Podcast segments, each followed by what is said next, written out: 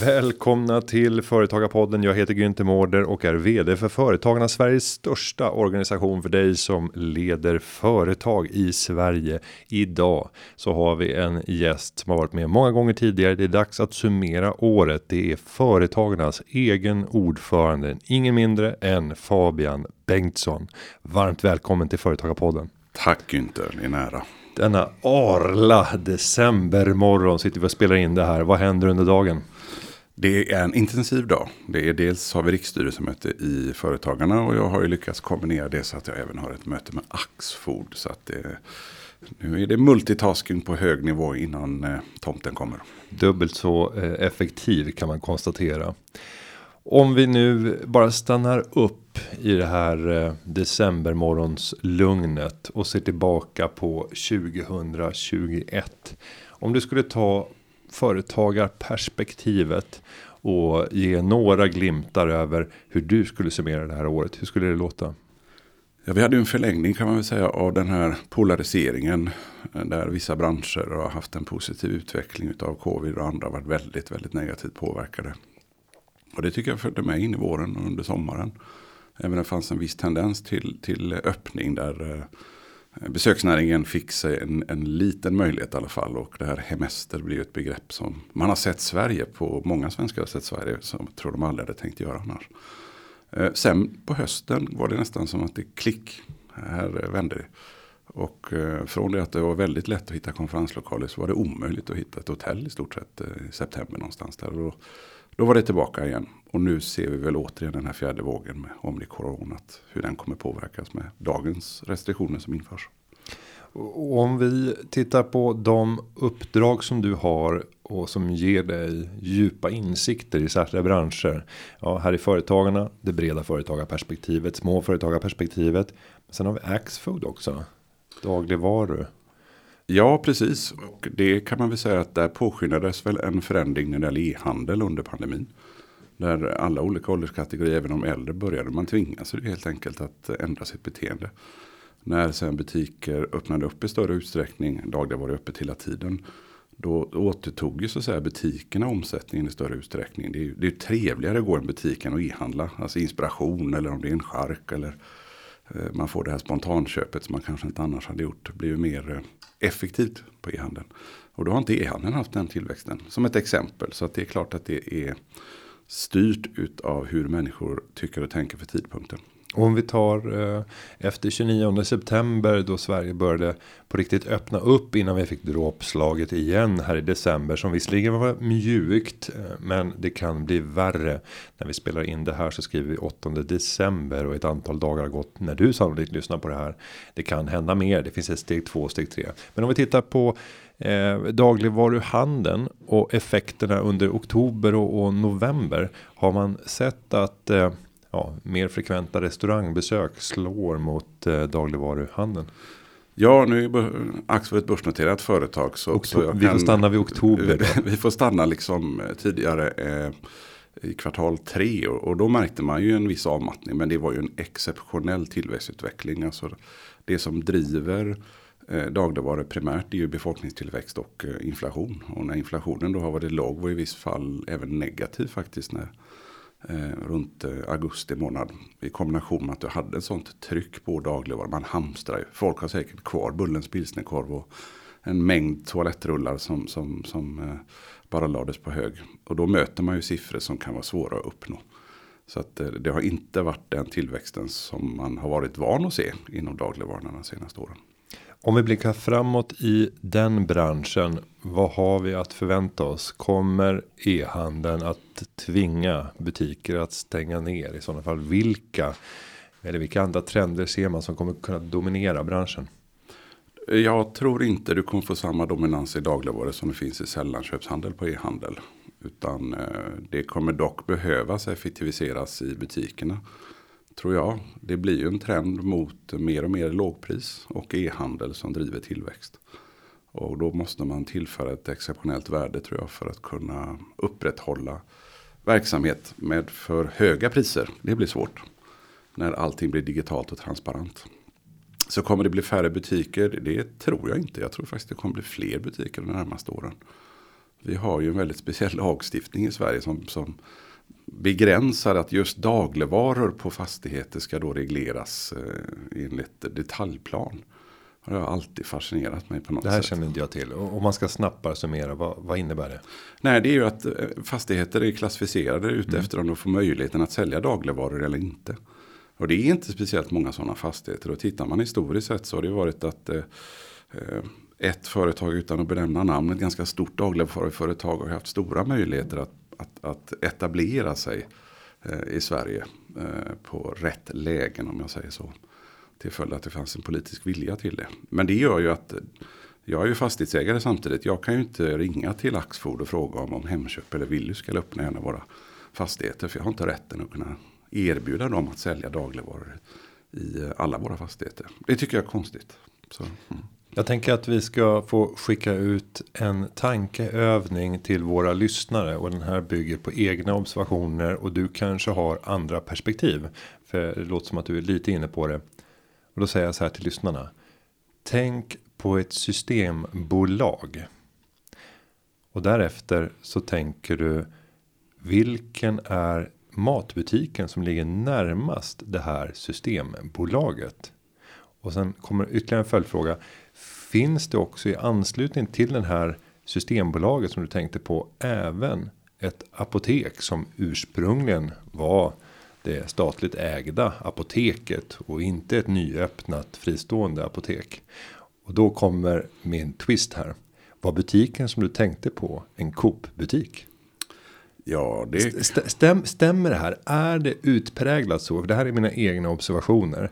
Att det tenderar att vara kraftigt överrepresenterat med Coop-butiker i anslutning till systembolag. Det finns nog ett samband där. Sen kan jag inte peka på exakt varför det har blivit så. Men man kan konstatera att så är det. Sen är det ingen, ehm, jag tycker med Systembolagets etableringsutveckling så har ju den varit att de vill ligga i närheten till dagligvaror. Så jag tror även Eh, runt Willys eller Hemköp eller Ica så finns det också ett systembolag. Det är, en, det är en samexistens som finns där och det tycker jag är väldigt bra. Att man ska finnas nära där människor handlar när det gäller mat och även då alkohol i den månen som man vill ha det. Men det har historiskt sett varit så att det har väldigt fint haft ett systembolag och så har du haft en matvarubutik och så funnits ett apotek. Och så kanske en bank finns i närheten också. Eh, det borde det göra. Men, en, men... en Swedbank. Ja, men där Hela de, rörelsen. Ja, men där... då, då har de lagt ner många kontor sedan dess när ja. det var aktuellt. Så, ja. så, även Handelsbanken är väl redo nu att dra ner sitt kontorsbestånd. Nej, men för den, den yngre generationen. Eh, och jag tillskriver väl mig själv fortfarande den. Även om du skakar på huvudet nu och, och ser helt undrandes ut. Eh, så kan det vara värt att, att bara förstå hur stark rörelsen har varit i, i Sverige. Och, och, att det finns väldigt många företag som ligger väldigt nära rörelsen. Och att det har påverkat vårt, vårt svenska näringsliv. Men vi lämnar dagligvarubranschen och går vidare till fastighetsmäkleri. För där har du också en djupare insikt i. Varför? När jag sitter i eh, ägarbolaget till Svensk Fastighetsmedling. Som är ju en av Sveriges största mäklarföretag för privatbostäder. Och det har ju varit en väldigt positiv utveckling värdemässigt sett på bostäder under ett antal år nu. Nästan till kanske utmanande när man ser det i vissa regioner. Här börjar man väl se andra tendenser på pandemin. Att du har eh, minskat urbaniseringen. Du har ju ett nettoutflöde av Stockholm exempelvis har varit under 2021. Det vill säga att man ser möjligheten när man inte måste ha arbete fem dagar i veckan och pendling. Att man faktiskt flyttar utanför storstad i större utsträckning.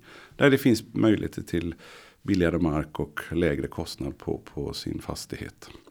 Så att eh, här ser jag väl en renässans som jag tror är bra för Sverige som är ett geografiskt avgränsande stort land.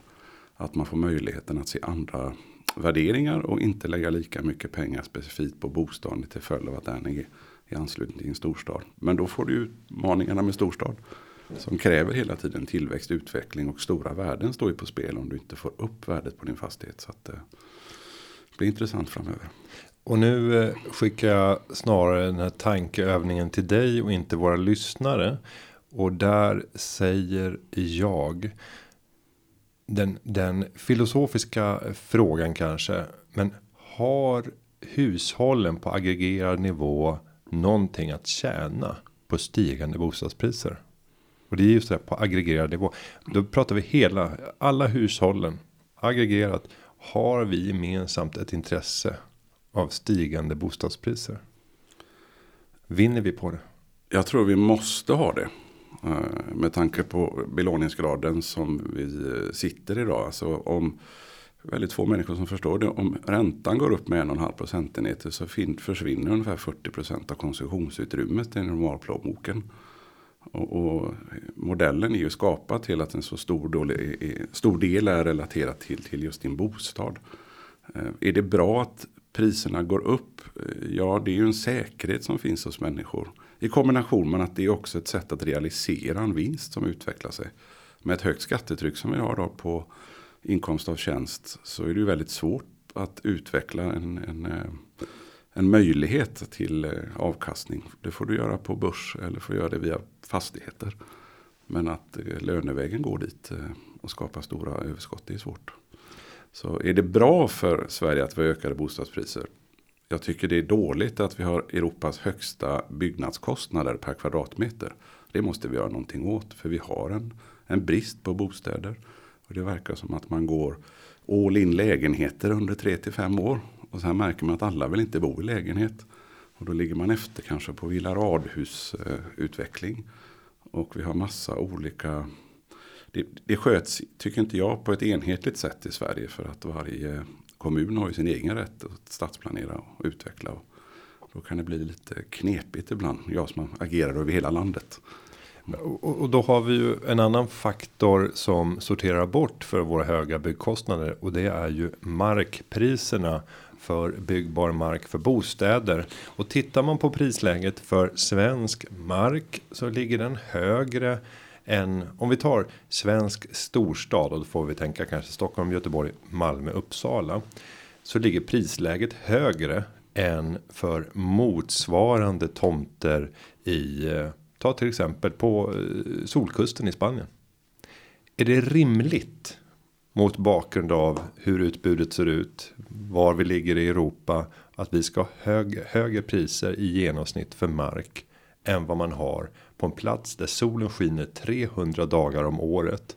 Där vi har havsnära läge. Eh, där vi har närheten till kontinenten. Frågan är kanske ledande. Men, men eh, vad kommer det här? Finns det en risk i det jag vill komma till? Finns det en risk med den relativt höga värdering som vi har på mark i Sverige i förhållande till övriga Europa och även bland de mest attraktiva delarna av Europa så ser vi att våra markpriser är högre. Ja, det är nog svårt att jämföra Stockholm med spanska solkusten. Spanska solkusten, det som byggs där nere, det är ju inte att du har någon som bor där 360 dagar om året och mm. eh, även genererar inkomster. Utan snarare är det ju ett sätt för dem att använda mark för att människor ska köpa ett boende som i sin tur har andra skatteeffekter för intäkterna i form av fastighetsskatt och sådär. Så jag förstår att den är billigare för det är ju i praktiken solen du får. Mm. Och badet. Eh, Men ta, ta Berlin då. Ja, det tycker jag väl är Berlins förorter är billigare än vad eh, Stockholm, Göteborg, Malmö, Uppsalas förorter är. Markpris. Ja, och jag kan inte, jag kan spekulera utan att veta. Jag vet ju att kommunen äger rätt mycket mark och eh, kommunen har ju faktiskt börjat verkligen ta betalt för den här marken. Och det är ju så när du har en räntesats som är lika med noll och det är tillgänglighet på mycket kapital. Då drivs ju eh, priset upp ganska rekorderligt. Jag vet en fastighet nu som i Göteborg som kommunen ägde som var byggnadsbar med 2000 kvadratmeter kontorsyta. Som utgångspriset tror jag var 11 miljoner slutar på 29 i budgivningen. Och det är klart när det snart blir tre gånger pengar för marken och det ska ju kommunen göra för det är mm. marknadskrafterna. Så, så driver det ju en inflationstendens även där för att det är ju inte så mycket mark som säljs. Men det finns heller inte där man vill ligga. Då har man möjligheten. Um, för att kunna få igång eh, byggnationen på ett bra sätt. Om vi tar nu norra Sverige. Det ser, vi ser från företagen en jätteutmaning. Vi har en, en, en, enorm brist på arbetskraft och kompetens som kommer att följa. Det är väl 9000 personer som behöver anställas i, i Norrbotten innan den närmaste tiden. Här borde man som kommun verkligen se möjligheterna till att använda det som man har gott om, vilket är mark. Och förbereda och eh, ge förutsättningar för människor att bo och leva på ett sätt som det känns ja, inte lika eh, ekonomiskt betungande som det är att göra i, i Stockholm. Jag menar du får ju en, vad får du idag? För 4,5 miljoner kronor så får du en, eh, eh en 110 kvadratmeter på Lidingö kanske. Eller du får en lägenhet på eh, centrala stan. På en etta. Ja, jag var snackar om. Eh, Lidingö 110 kvadrat för 4. 4,5. 4,5. Jag, ja, men... jag sålde direktörsradhuset, ett nedgånget radhus från 1957. Ja, men det var ju toppskick sa du. ja, absolut. Jag kastade på lite färg det sista jag gjorde innan jag lämnade den. Eh, och fick 4 250 ja. för 98 kvadrat närliggandes Malmvägen, Sveriges farligaste plats på 90-talet. Mm. Det, det, är en rabatt för att bo här. Stod det det i annonsen där? Nej, Nej, just det, du hade inte. Underbart läge stod det. Underbart läge stod det.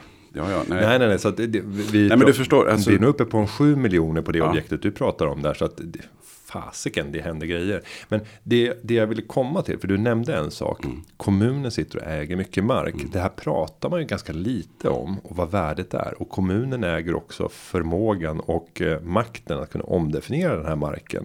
Det är väldigt få som har den makten. Mm. Och att kunna höja värdet på sin egen mark.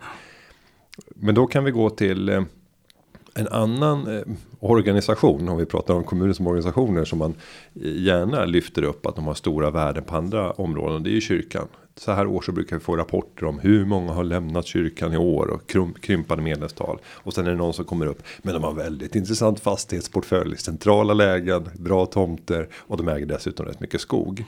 Men det är väldigt sällan jag hör någon prata om först välfärdsutmaningarna och sen i nästa andetag säga och kommunen äger ju väldigt mycket mark. Så här finns det fantastiska möjligheter att kunna realisera stora värden för att finansiera den välfärd som människor förväntar sig.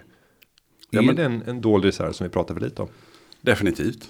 Jag tycker det finns eh, Debatten rör ju sig väldigt mycket mot nu att vi ska finansiera, så att säga, öka skattetrycket i Sverige för att finansiera välfärden. Och vi har ett reellt problem framöver i att vi har en åldrande befolkning och, och 2024 redan så har vi en inflektionspunkt där det är fler som är äldre eller yngre eh, än 19 år eh, än de som är arbetsföra. Och, och, vi vet att sjukvårdskostnader då ökar ungefär fyra gånger på en äldre population. Men med den saken sagt så kan man ju liksom inte bryta, lägga på så mycket hö på kamelen som arbetar så att den knäcker ryggen på den. Det vill säga att man ökar skattetrycket till orimliga proportioner. Utan här måste man hitta andra värden. Och där är mark en sådan. Att det går att utveckla och frigöra eh, kapital för att investera i välfärden. Och den andra är ifrågasätta och titta på effektiviteten och hanteringen av skattemedlen också. Den debatten tycker jag inte för speciellt högt. att Varför tar det så lång tid? Varför är det så mycket delar i eh, den offentliga upphandlingen som är så komplicerad? Att det blir dyrare. Varför är infrastruktursinvesteringar alltid dyrare än vad man har tänkt i en budget? Jag menar som företagare så förundras man ju liksom hur är det möjligt? Jag vet att ibland kan det vara diskrepanser i en budget men den ska ju spegla så mycket verkligheten som är. Här, här måste vi in i debatten för det går inte att höja skattetrycket nämnvärt eh, på populationen idag eller på företagen idag om vi ska adressera problemet som vi har i samhället i övrigt. Alltså med kriminalitet och utanförskap och att människor inte har självförsörjning. Att vi är 800 000 som inte har jobb idag. Det, det tycker jag väl är olyckligt. Så ja, eh, en del i det är att lyfta fram vilka värden som finns. Hur ska de realiseras? Och eh, strandskyddet är väl en sådan då som vi från företagarnas sida har väl tyckt att vad är det du brukar säga? Många mil är det strandskydd som vi har i Sverige. Eh, och ja, nu, nu, måste jag komma i och nu ska jag inte säga siffran men det är ju helt makalösa. Det är, om det är 11 varv runt jorden. Alltså 44 eh, 000 mil. Och eh, nu får ni inte gå ut på sociala medier och säga han har fel. För att nu så här, gå upp och kolla i våra egna artiklar, våra egna uträkningar. Nu, men det är ofantliga mängder som inte går att förstå med strandlin eh, strandlinje. Och då inkluderas ju alla sjöar och, och hav. Ja, och jag har full förståelse att i centrala tätorter, om du tar Göteborg eller Stockholm och skärgård och sånt, att det ska finnas restriktioner. Men jag vet att Donsö som är nu ute i södra skärgården i Göteborg, där kan du inte bygga en kvadratmeter till följd av strandskyddet. Ja, då successivt så förstör du ju värdena som finns där. Framförallt med människor som bor där året runt. Och man vill kunna få människor att flytta dit och, och uppleva det som är i, i skärgården. Så det får finnas liksom en särskild där. Bo på en, alltså vid en sjö. Eh, in i landet. Och kalla det för strandnära. Där har jag väldigt svårt att se att det ska vara ett, eh, en utmaning för exploatering. Om man gör det på ett hållbart sätt och säkerställer att inte flam, äh, eh, äh, naturen i övrigt egentligen blir för beroende. Men äh, det finns stora värden. De måste realiseras. Och jag tror man måste få snabba på processen. Jag tror eh, lagstiftningen när det gäller eh, hur vi överklagar det här är ju rätt speciellt också. Att i Sverige man kan överklaga till förbannelse. Vilket gör att man får en rädsla till att göra förändring. Nu såg jag på lokalnytt igår i Göteborg. Det finns ju Echte Gläse, alltså åtta glas. Den härliga båten som har kantrat fyra gånger. Eh, nu pumpar de ut den igen för att det ska vara en restaurang för femte gången då. För de kan inte lyfta ut den och sätta dit en ny prom för då ändrar det stadsbilden och då är stadsbyggnadskontoret rädd att någon kan överklaga och därmed var man tvungen att ta bort den helt och hållet. Det känns ju gör konstigt. Att det ska vara så lång byråkratisk process i det här när man har ett planmonopol som ändå kommunerna har. Så att, eh, man får nog titta över det också. Det kanske var så att man ska införa en kostnad vid överklagan. Mm. Som sen återgår till personen i fråga om de får rätt. Mm. Jag undrar vad som hade hänt om man hade tagit ut en avgift på 500 kronor. Ja. ingenting. Men jag tror att eh, det skulle få väldigt stora effekter. Eh, det finns exempel kan jag nämna anekdotiskt var det trafik eh, och vad heter den då? Länstrafiken i, i, i Västernorrland, Y-trafiken kanske. De införde en avgift på sina busstidtabeller. Eh, och det här var ju tillbaka 15 år sedan, 20 år sedan. Då införde de en krona kostade den. Men då sjönk ju förbrukningen med om det var 80 eller något liknande. var ofantliga mängder som då inte tyckte att en krona det, det var inte den här tryckta pamfletten med eh, 80 sidor busstidtabeller värd. Eh, ja, men innan vi stänger dörren för fastighetsdelen och kanske ger oss över till en bransch där du har hyggliga insikter och det är hemelektronik. Så tänkte jag bara resonera kring frågan. Vilka tjänar på de här kraftiga boprisökningarna? Och då har vi ju mäklarna.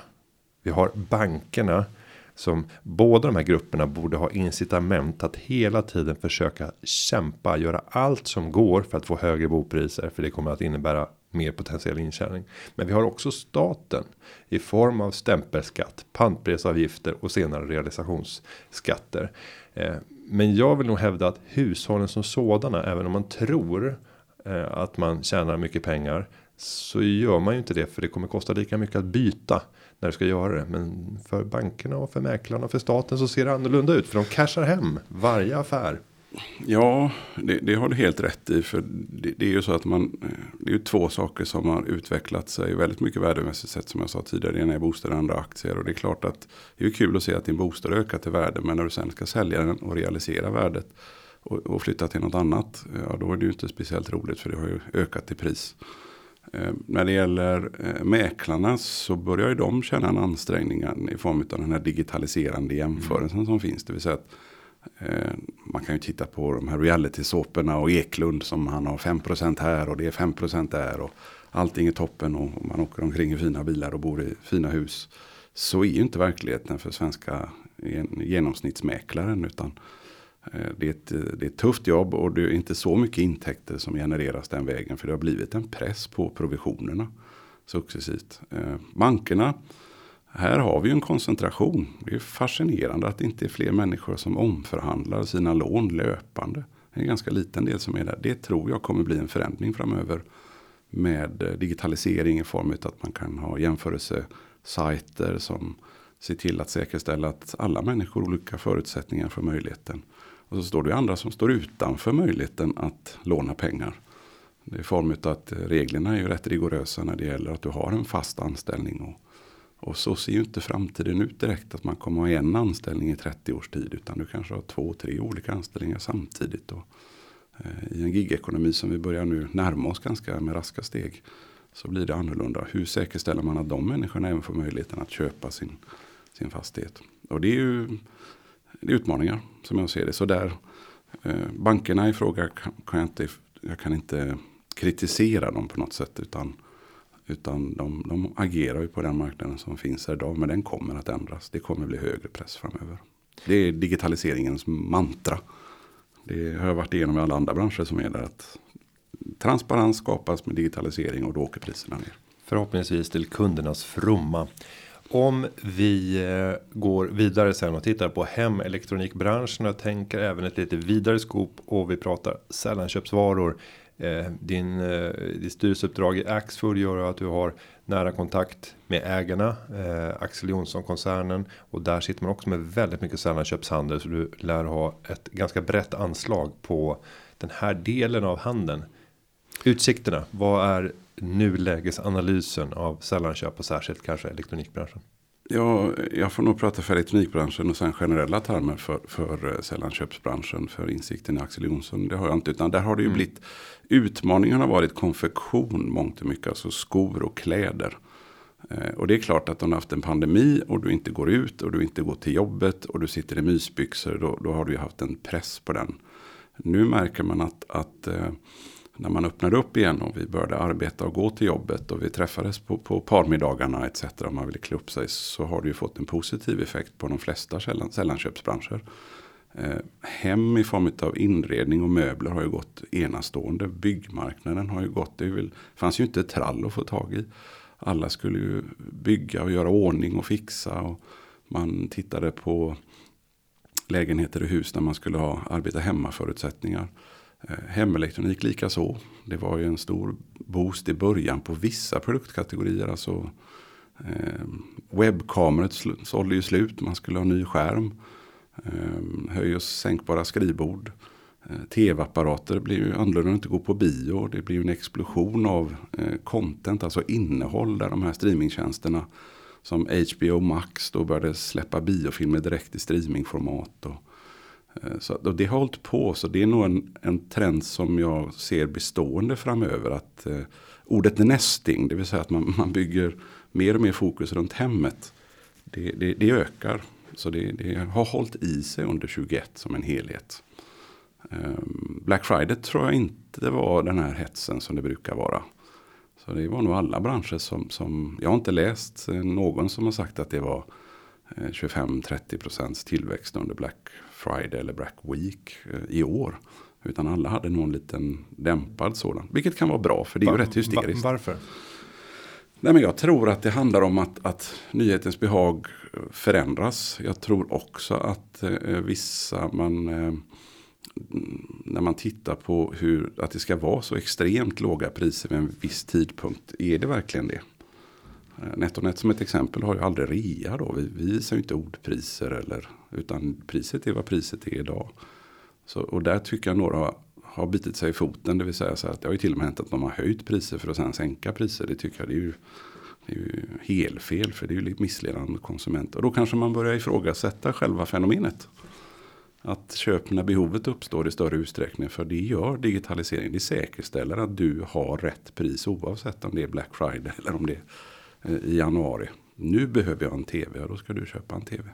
Det var som en som sa till mig det, för vi, vi har ju en tendens att sänka priserna i elektronik hela tiden. Du får ju mer för mindre. Det är väldigt få branscher som lyckas vara så effektiva på det som vi är. Och en sa det till mig, när ska jag köpa tvn? Herregud den går ner i pris hela tiden. Jag vill ju köpa när det är rätt pris. Är den som billigast? Och då sa jag dagen innan du dör, då är den som billigast. Eller så köper du den och så njuter du. så det är, alltså, det är bara en säljare som kan köra den.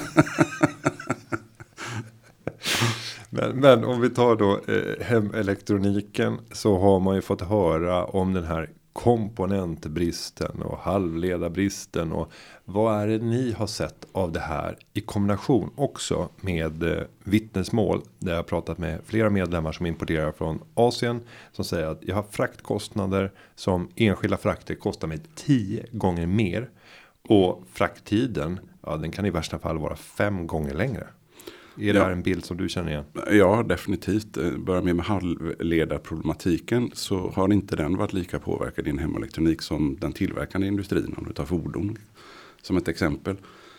Och anledningen till det tror jag att de ligger väldigt, väldigt mycket närmare produktionen. Det vill säga att du har en just in time som är att förväntansvärd är att komponenter ska finnas tillgängligt annars så eh, får du inte kontraktet. Och när det då inte finns tillgängligt då stoppar ju hela värdekedjan. Det vill säga att ingen lager för det här. Utan det fungerar en global sourcingkedja där kontinuitet kommer. Man ska inte ha för mycket, man ska inte ha för lite. Eh, vi köper ju inte komponenter, vi köper ju färdiga produkter och de produceras i mångt och mycket i Asien.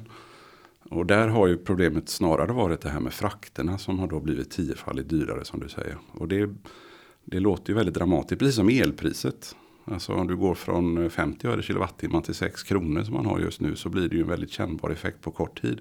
Om du inte har lyckats förhandla din framtid, alltså ett, eh, ett låst ett fraktpris, vilket vi har lyckats göra under en längre period. Nu börjar vi väl se tendensen att nu slår det igenom, men inte fullt ut så som du ska på spotmarknaden och köpa en 40 fots high cube eh, container idag. Men, men nu lugnar det ner sig när vi tittar framåt eller? Vad säger eh, Ja men det är ju den här missmatchningen som är. Det vill säga att det, det finns container på fel ställen. Och du har liksom att leveranskedjan har stannat upp. Och då, då kan man inte ta emot gods. Och, då, då finns det, det är ju inte så att du kan eh, bara trolla fram containers. Utan det är x antal containers som finns där. Eh, de som är glada är ju de stora fraktbolagen.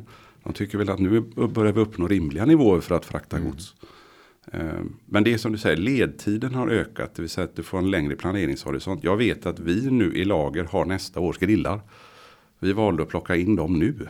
Och det kanske inte är, även om man kan påverka folk att grilla eh, skinkan i en, eh, i en ny fin utomhusgrill och göra det till en upplevelse. Så var det för att säkerställa nästa, nästa års eh, försäljning helt enkelt. För det var så osäkert när man kunde få det. Och så lägger man till det här med elbristen som har varit även i Asien.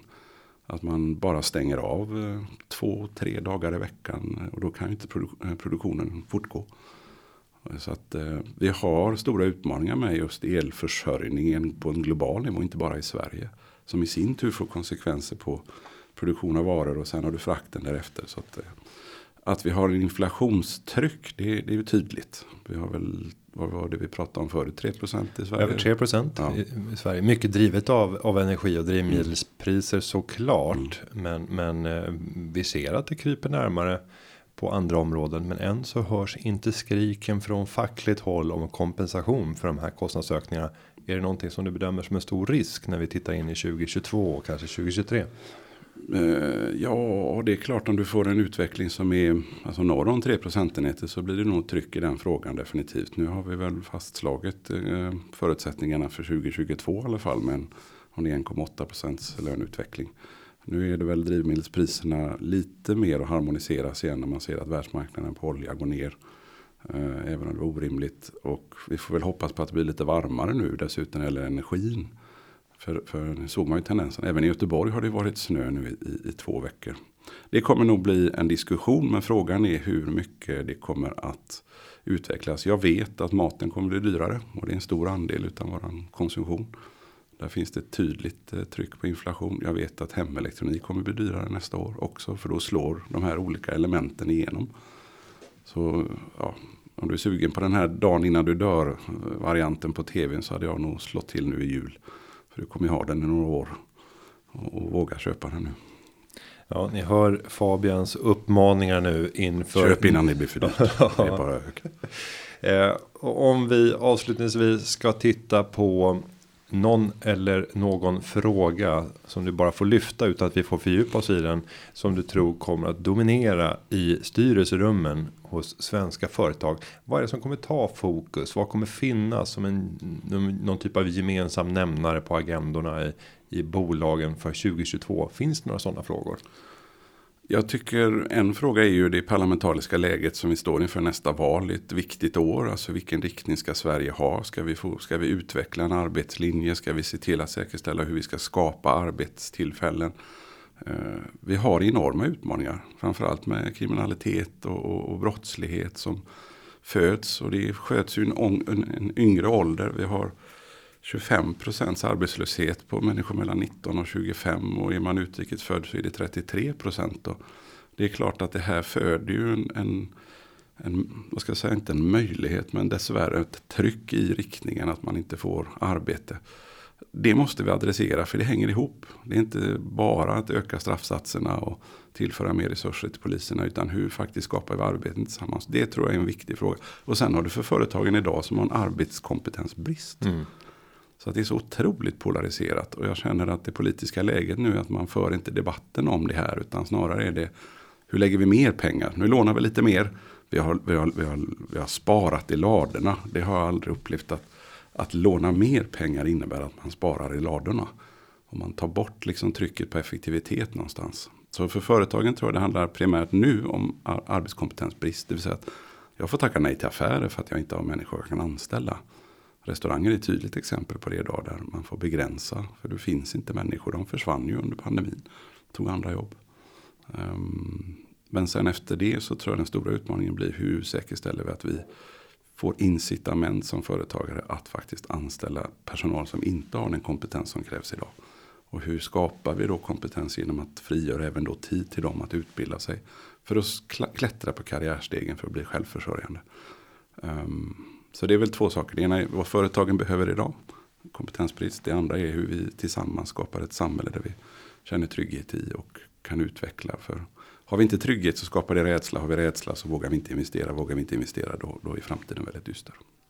Och jag tänker att några andra frågor som kommer finnas där på agendan är bland annat att produktionssäkra pandemin nu senast har visat att det finns sårbarheter. Jag tror att vi kommer få se fler och fler resonemang kopplat till att hämta hem produktion, ta den närmare, hämta hem den från Asien och man kan hitta sätt att genom automation eller genom robotisering kunna få en en eh, motsvarande produktion även om det blir lite dyrare men kunna minska avståndet. Jag tror också den här resonemanget kring den framtida arbetskraften och kompetensförsörjningen. Ja, den kommer att vidgas till att eh, även innefatta frågor. Kan vi skaffa den här kompetensen på andra sätt? Kan vi gå ingå andra allianser med med eh, underleverantörer eller jobba i nätverk behöver vår arbetskraft de facto vara på plats i vår produktionsenhet framförallt inom tjänstesektorn kanske eh, eller kan vi rekrytera från helt andra delar av av världen. Vi har hela hållbarhetsfrågan med klimatfrågan eh, som den absolut mest dominerande. Den kommer finnas på på agendan framåt. Ja, det kommer inte saknas att eh, frågor att, att hantera i svenska företagens styrelserum. Men nu Fabian är det dags för företagarnas riksstyrelsemöte. Det är sista för året och det är dags att anta en budget för 2022. Och med det så eh, får vi stänga ner den här sändningen och säga tack till dig som har lyssnat och stort tack till Fabian för att du tog den här tiden innan styrelsemötet. Ja, och eh, får vi se om den går igenom budgeten också för den är väldigt framåtlutad mot tillväxt Günther. Så att det här satsar vi nu för att verkligen se till att vi ska säkerställa att fler företagare faktiskt blir företagare. Och så vill jag bara tacka eh, dig Günther för ett fantastiskt år företagarna och önska alla som lyssnar en riktigt god jul. God jul. Och med det ska jag säga att podden har förberetts av David Hagen och klippningen den är som vanligt gjord av Petra Chu. Vi hörs igen nästa vecka. Ha det så gott. Hej då!